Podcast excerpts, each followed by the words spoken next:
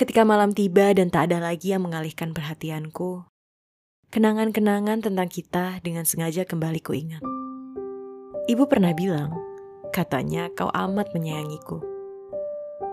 Tapi aku tak mempercayai ucapannya. Aku masih ingat betul ketika kau melarangku untuk bermain di luar dengan alasan aku harus belajar, belajar, dan belajar. Supaya aku jadi anak pintar. Nyatanya ketika aku berhasil menggapai mimpi yang kau mau, kau pun tak pernah memberikanku hadiah. Bahkan sekedar memberi ucapan selamat tak pernah kau lakukan.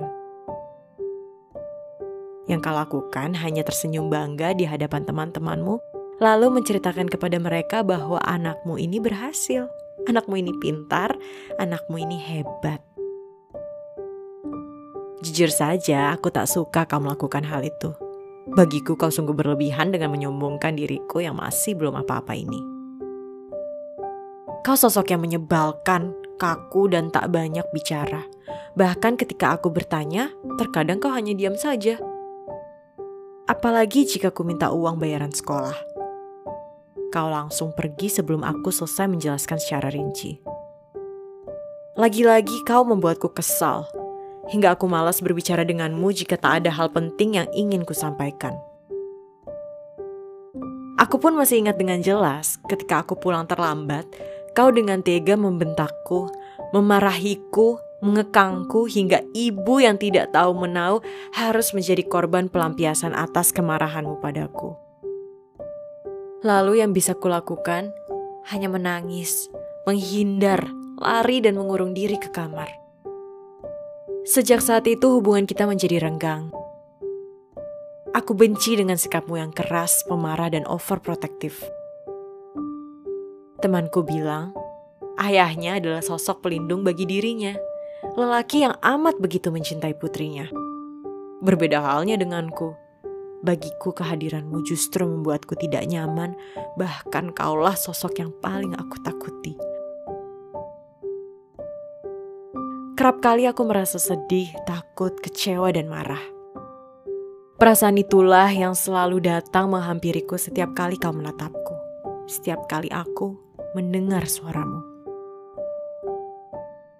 Malam ini perasaan itu datang kembali bukan hanya sekedar menghampiri, tapi datang menemani. Menemani malam-malamku yang penuh dengan penyesalan yang belum sempat kuakui. Aku banyak menyia-nyiakan waktu yang Tuhan berikan kepadaku Selama ini aku tak cukup bersyukur untuk memaknai kehadiranmu di hidupku. Kau pernah berkata kepadaku bahwa kita akan berjumpa pada peristiwa-peristiwa yang tak terduga dalam perjalanan hidup kita. Saat itu aku terlalu kecil untuk memahami maksud dari ucapanmu. Namun, bukan berarti setelah aku dewasa, aku siap untuk berjumpa dengan peristiwa yang tak pernah kuduga itu. Kau harus tahu, bahwa kehilangan dirimu adalah peristiwa yang paling tak bisa aku terima. Aku tak pernah membohongi diriku. Aku tak kuasa membendung air mataku saat aku mengingatmu. Terlebih ketika aku melihat seorang ayah mengantar anaknya pergi ke sekolah, ketika aku menyapa bapak tua dengan para kerbaunya yang tengah beristirahat duduk di pinggir sawah. Ketika aku mendengarkan guruku berbagi cerita bahwa ia sangat bangga karena anak bungsunya yang berprestasi mendapat beasiswa untuk lanjut kuliah. Hatiku hancur. Begitu banyak waktuku buang yang seharusnya kuukir bersamamu. Aku sadar aku tidak lebih dari putri kecilmu yang penakut dan sering kali merepotkanmu. Meski pernah ada jarak yang membelenggu di antara kita, aku rindu peluk dan dekap darimu. Sudah hampir satu tahun aku kehilangan kehangatan seorang ayah. Kau yang selama ini malu mengutarakan perasaanmu padaku. Sikap overprotektifmu yang tak kusuka, semata-mata kau lakukan agar aku terhindar dari segala yang membahayakan.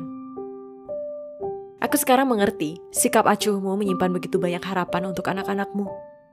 Bahkan diamu menyembunyikan banyak luka, hanya demi supaya aku tetap bisa menjadi juara. Mungkin selama kau masih ada di dunia, aku sering kali membuatmu kecewa. Cintaku bahkan tak pernah cukup untuk membalas kebaikanmu.